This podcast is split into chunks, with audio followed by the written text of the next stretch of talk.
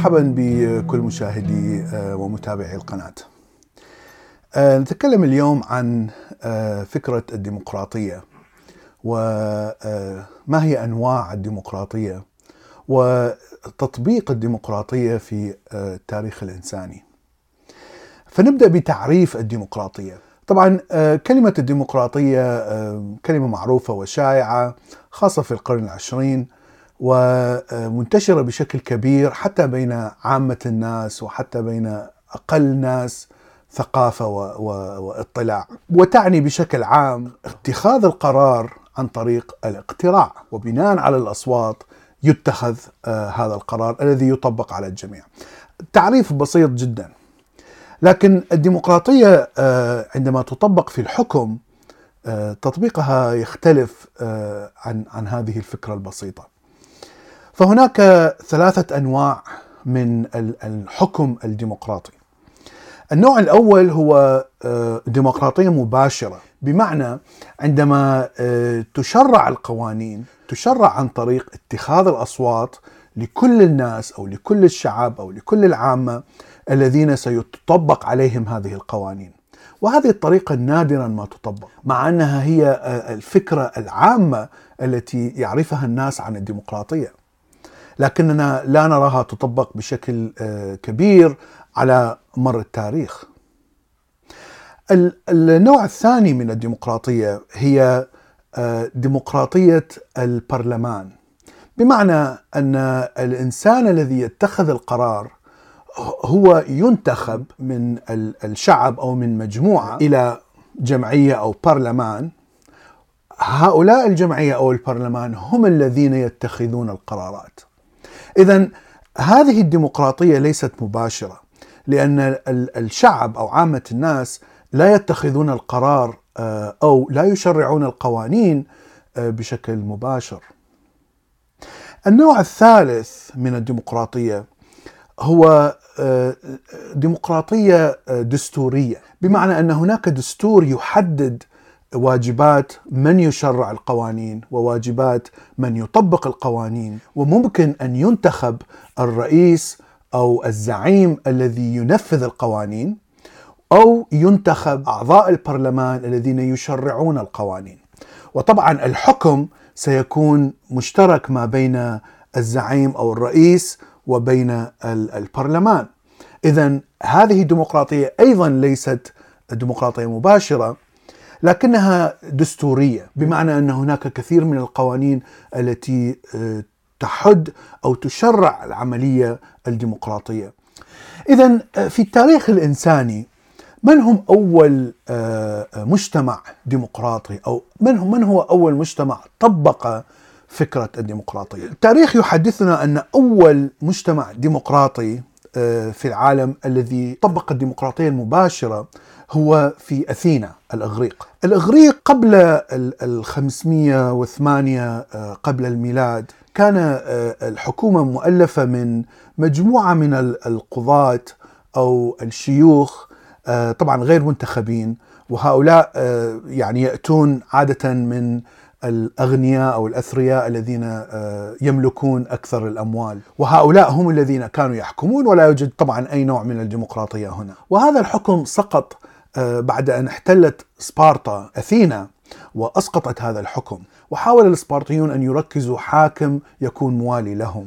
وصار هناك صراع على الحكم وانتصر فيه زعيم اسمه كلايستينس. كلايستينس استطاع أن يزيل التأثير السبارتي واستطاع أن يؤسس دستور جديد للحكم في أثينا. وهذا الدستور كان يعتمد على الديمقراطية المباشرة من بحيث أن فقط مواطنين أثينا هم الذين لهم حق أن يصوتوا في اقتراع أي قرار مهم أو في تشريع أي قانون يطبق على الناس. ومن هنا فهو أزال تأثير الأثرياء أو الأغنياء بحيث همش تأثيرهم في الحكم وجلب كل الأصوات من الطبقة الوسطى. طبعا هذا كان محدود. المواطنين في أثينا كانوا من الذكور البالغين آه، وليس العبيد أو النساء أو أجانب. الذين يعيشون في أثينا. فاذا فعليا هي ليست آه، ديمقراطية شمولية لأنها لا تشمل كل السكان. لكن هذه هذا النوع من الديمقراطية لم يستمر. آه، أثينا دخلت في حرب مع صقلية فكان هناك حملة آه، ذهبت إلى صقلية لكنها باءت بالهزيمة وهذه الهزيمة أدت إلى كارثة اقتصادية وهذا كان في عام 413 قبل الميلاد. وهذا آه، سبب سقوط آه، هذه الفكرة من الديمقراطية التي تأخذ بجميع السكان أو بجميع السكان الذكور باتخاذ القرارات. تتابعت الأحداث في أثينا آه، كثير من الانقلابات والحروب حتى مجيء الإسكندر الأكبر. لكن لا يوجد آه، أي ذكر لأي نوع من الديمقراطية الحرة المباشرة آه، التي نفذت تقريبا خلال مئة عام. أول نوع من الديمقراطية من النوع الثاني. هذا النوع من الديمقراطية بدأ في سبارتا قبل حتى قبل أثينا. وهذا بدأ في تقريبا 700 قبل الميلاد. وأيضا آه، كان الحق للانتخاب فقط هم من الذكور فقط الذكور الذين آه، يبلغوا أكثر من 30 سنة. وهذا المجلس المجلس النواب أو الشيوخ الذي ينتخب آه، من هذا المجلس كان ينتخب الزعيم الذي سيقود سبارتا والسبب الذي دعا السبارتيون أن أن يستعملوا هذا القانون حتى لا يكون هناك غلبة لشخص واحد أو زعيم عسكري أو آه، للغش والخداع آه، في في محاولة الاستيلاء على الحكم والذي كان منتشر آه، كثير في ذلك العهد القديم. النموذج الثالث في التاريخ والذي كان مهم جدا هو الجمهورية الرومانية. الجمهورية الرومانية استمرت لفترة طويلة جدا وهذا هو ما يعطي أهمية آه، لهذه التجربة لأنها تقريبا بدأت 500 آه، آه، قبل الميلاد واستمرت إلى تقريبا 50 أو أو أقل ما قبل الميلاد. الانتخاب كان أيضا انتخاب لمجلس نواب وكان هناك أيضا مجلس شيوخ وهو مختلف عن مجلس النواب. فمجلس النواب ينتخب من الناس مباشرة أيضا آه، الذكور الذين آه، عمرهم آه، أعتقد عشرين فما فوق والنساء والعبيد والغير مواطنين رومانيين لم يحق لهم الانتخاب. لكن مجلس النواب كان هو الذي يشرع القوانين فقط. مجلس الشيوخ في ذلك الوقت كان طبعا لم يأتي عن طريق انتخاب لكنه يأتي عن طريق العائلات الثرية والأغنياء. فكان هناك نوع من التوازن ما بين العائلات الغنية والثرية وبين آه، الشعب أو عامة الناس أو الطبقة الوسطى. فالطبقة الوسطى أو عامة الناس الذي ينتخب المجلس النواب كان هو الذي يشرع القوانين ومجلس النواب كان هو الذي يقرر آه، آه، أين توضع الأموال لتنفيذ هذه القوانين. فالصراع ما بين هاتين القوتين يتم في إذا إذا شرع قانون معين ومجلس الشيوخ لم يوافق على هذا القانون، هذا القانون ينفذ بشكل نظري لكن لا يعطى أي أموال حتى ينفذ بشكل واقعي. فإذا القانون يكون آه، وكأنه حبر على ورق. لكن القوانين التي آه، تأتي باتفاق مع مجلس الشيوخ تعطى إليها الأموال وتنفذ. وهذا آه، هذا هو الذي أدى إلى نجاح هذا هذا النظام ونجاح عملية الديمقراطية التي تشرع القوانين. ونجاح هذا النظام أدى إلى استمرار وجود وتوسع نفوذ آه، هذه الدولة الرومانية أو الجمهورية الرومانية حتى وصولنا إلى تقريبا خمسين قبل الميلاد وكان هناك شخصية مرموقة جدا وهو يوليوس قيصر وهذه الشخصية كان آه، يعني إنسان عسكري نابغة وتقريبا احتل أوروبا كلها بعمليات عسكرية عبقرية وأيضا احتل شمال إفريقيا ومصر وكان يحاول أيضا أن يحتل الشرق الأوسط بمعنى الشام وكان يجهز عدة لاحتلال العراق. يوليوس قيصر لم يكن سياسي لكنه كان قائد عسكري ووجود الصراع حول السلطة ما بين مجلس الشيوخ ومجلس النواب. آه، آه، وضع يوليوس قيصر آه، قوة جديدة على هذا الصراع وهو قوة وهي القوة العسكرية. وهنا أصبح الصراع أكثر حدة. وهذا ما أدى طبعا إلى مجلس الشيوخ اغتيال يوليوس قيصر لأنهم رأوه يعني إنسان خطر جدا. ويحاول أن يؤثر على السياسات يحاول أن يؤثر على تشريع القوانين وحتى على توزيع الأموال لأنه أصبح إنسان آه، غني جدا من من كل الأراضي الذي احتلها من من أوروبا وشمال أفريقيا. فبعد آه، موت يوليوس قيصر آه، أصبح هناك صراع كبير على الحكم ثم أتى أغسطس أو أغسطس الذي استطاع أن يستولي على الحكم وحول النظام من نظام جمهوري إلى نظام إمبراطوري.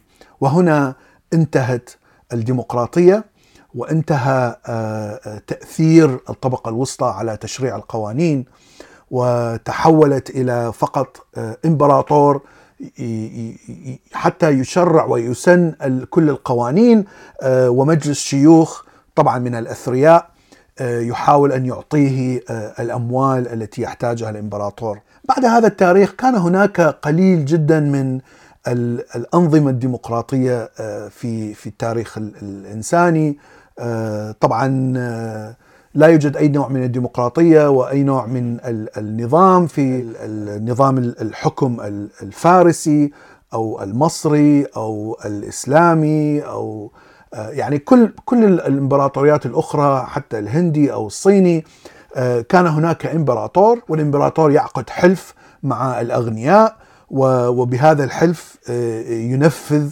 الحكم وطبعا الحكم آه، كان آه، عادة يكون قاسي على الطبقة الوسطى وطبعا أقسى بكثير على الشعوب الأجنبية التي تحتلها الإمبراطورية. في أوروبا كان هناك أنظمة ديمقراطية بسيطة جدا وصغيرة جدا، ممالك صغيرة جدا آه، وأيضا كانت آه، تعطي فقط الحق للانتخاب مثلا آه، فقط للطبقة الثرية. فأنا لا أعتبرها فعليا ديمقراطية حقيقية. مثل الديمقراطية التي رأيناها في روما الجمهورية الرومانية والإغريق لأنها لم لأنها لم تعطي حق للطبقة الوسطى. الديمقراطية الحقيقية فعليا بدأت آه، بعد التعديلات الدستورية التي حدثت آه، في أوروبا خلال القرن التاسع عشر. الدستور الأمريكي الذي آه، أثبت في نهاية القرن الثامن عشر أيضا أسس نظام ديمقراطي لكنه وقع في نفس المشكلة أن فقط الذكور بعمر أكثر من عشرين سنة أو ما شابه لهم حق في الانتخاب. وأيضا آه، آه، جعل انتخاب آه، مجلس نواب أو منتخبين ومجلس شيوخ وهؤلاء يتعاونون على تشريع القوانين وعلى تمويل القوانين. وطبعا التصليحات التي حدثت في أوروبا في في عام في القرن التاسع عشر عدلت الكثير من الأنظمة والقوانين حتى تعطي أحقية للطبقة الوسطى وحتى الطبقة الفقيرة أن تنتخب. آه، وتنتخب آه، إما تنتخب آه، برلمان أو أو تنتخب الرئيس. كما في أمريكا. ويعني النساء حاربوا كثير في في أوروبا وأمريكا حتى استطاعوا أن يحصلوا على حق التصويت. طبعا في أوروبا تقريبا ألغيت نظام العبيد. في أمريكا ألغي نظام العبيد أيضا في القرن التاسع عشر وبسببه حدثت الحرب الأهلية. لكن آه، مع إلغاء العبيد ومع وصول النساء إلى آه، الحكم أو حق التصويت. طبعا آه، هذا حدث بعد إلغاء العبيد. مثلا في أمريكا النساء حصلوا على حق التصويت في بداية القرن العشرين. أصبحت الديمقراطية أكثر تطبيقيا وواسعة بشكل أكبر بكثير وبدأت تقترب من الفكرة المثالية لتطبيق الديمقراطية التي تشمل الجميع. الديمقراطية ليست طبعا فقط لها تأثير إيجابي، هناك كثير من تأثير سلبي للديمقراطية، وأرسطو وأفلاطون أظهروا استيائهم ونقدهم القوي للديمقراطية وفكرة أن الأغلبية لهم الحق في تشريع القوانين. فقسم من هذه السلبيات يعني يأتي مباشرة من من هؤلاء المفكرين العظام. أول المساوئ المذكورة للديمقراطية هي عدم الكفاءة في تشريع القوانين. كثير من الناس ليس لديهم الثقافة أو العلم ال- الذي يعطيهم الكفاءة ليقيموا القوانين، وهذه كانت الشيء الأساسي الذي ذكره أفلاطون وأرسطو. أنك إذا إذا أردت أن تشرع قانون معين مثلا على دخول الحرب مثلا دخول الحرب مع دولة أخرى فالشخص العادي الذي لا يعرف متاهات واسرار السياسة والمعلومات التي يعرفها فقط المختصون وبواسطة هذه المعلومات فقط الإنسان يستطيع أن يقيم هل من المنطقي أن نقرر بالذهاب إلى الحرب أو لا؟ هذه المعلومات عادة لا تكون متوفرة لعامة الناس أو تحتاج إلى مدة طويلة من الخبرة حتى تستطيع أن تقيم اعتمادا على هذه الخبرة أن أن أن تصوت أو تقرر. وهذه هي المشكلة الأساسية في الديمقراطية. المشكلة الثانية في في الديمقراطية هي الرأي العام. الرأي العام ليس دائما على حق وليس دائما هو الصحيح. لأنه يعتمد على مخلفات ويعتمد على عادات وموروثات اجتماعية قد تكون بالية وقد تكون خاطئة مثل قرار أن ندرس عملية التطور في المدارس. إذا اعتمدنا على الرأي الشائع في البلاد العربية أو حتى في ولايات المسيحية في أمريكا فمن الطبيعي أن الناس المتدينين يروا أن نظريه التطور خاطئة. وبذلك سيحاولون أن يدرسوا نظرية التصميم الذكي. وهذه نظرية ليست علمية وليس لها أي أساس من العلم. عندما تدرس طفل نظرية ليست علمية وفقط أثبتت لأن الدين يقول أن هذه صحيحة فأنت تعلم الطفل أن الدين هو الصح والدين فوق العلم. وهذا شيء خطير جدا جدا. هذا ما يجعل الطفل يعتبر أن الخرافات التي يأتي بها الدين هي الصحيحه ويجب أن تكون فوق العلم. وهذه مصيبة كبيرة لأنك إذا لم تعتمد على العلم بشيء أساسي فإنك تخسر السباق العلمي والتفكير العلمي الذي يجعل الأمة تتقدم إلى الأمام ويجعل الحضارة والتكنولوجيا تتقدم إلى الأمام. وبهذا تخسر تخسر الكثير عندما تقارن نفسك بالأمم الأخرى. وهذا فعليا ما يحدث بالدول العربية والإسلامية بشكل واضح جدا. اذا الرأي العام الذي يؤثر على تشريع القوانين ليس صحيح دائما. وقد يسبب بالاذى الكبير للبلد. وأفضل مثال هو كيف أثر هتلر على الشعب الألماني. وأقنعه بأن بأن الجنس الألماني الآري هو الجنس الراقي. ويجب أن يسود ويتفوق على العالم مما أدى إلى خراب تام اقتصادي وسياسي لألمانيا. المشكلة الثالثة هي تعود إلى الديمقراطية النوع الثاني والمتمثل بالبرلمان. هذه المشكلة تجعل الحكم فقط في عصبة معينة، وعادة هذه العصبة تتعلم كيف تؤثر على عقول الناس حتى تستطيع أن تنتخب.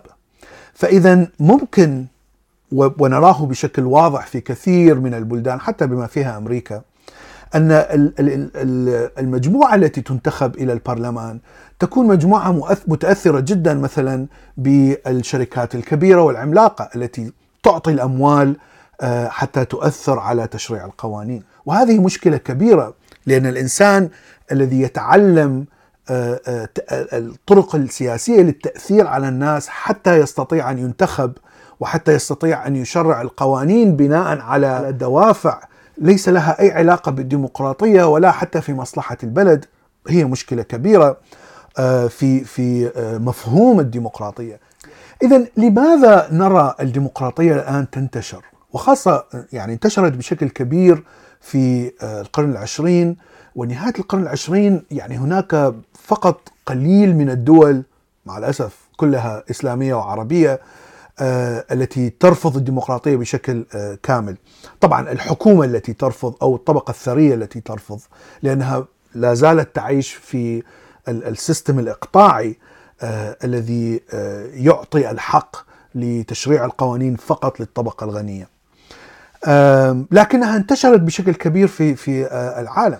هناك دول تحاول أن تطبق الديمقراطية المباشرة مثل سويسرا عندما قررت أن تضع قرار دخول الحرب العالمية الثانية باستفتاء للمواطنين وبفعل الاستفتاء المواطنين رفضوا أن يدخلوا في الحرب العالمية الثانية ولهذا لم تدخل سويسرا.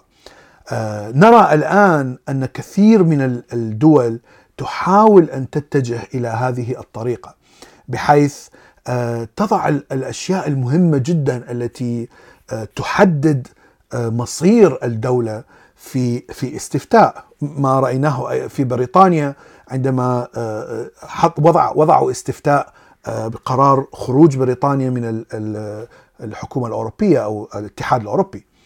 أيضا في أمريكا الانتخاب الرئيس وهو شيء مهم جدا لأن الرئيس يضع كثير من القرارات ويملك الكثير من السلطات هذا يكون نتيجة انتخاب مباشر من الناس لكن في دول أخرى مثل بريطانيا الناس ينتخبون حزب معين ليستلم الحكم والحزب هو الذي يقرر من هو سيكون رئيس الوزراء والذي سيملك القوة الكبيرة في اتخاذ القرارات. فهناك الكثير من التطبيق للأنظمة الديمقراطية وطبعا وكل نظام فيه مساوئ ومحاسن كما ذكرنا. لكن أعتقد أن أنه أفضل نظام للحكم اخترعه البشر مع وجود هذه المساوئ لأنه يعطي حق ولو بجزء بسيط للإنسان العادي أن أن يتخذ القرار الذي يؤثر على مستقبل البلد. شكرا لكم وإلى لقاء في حلقة أخرى.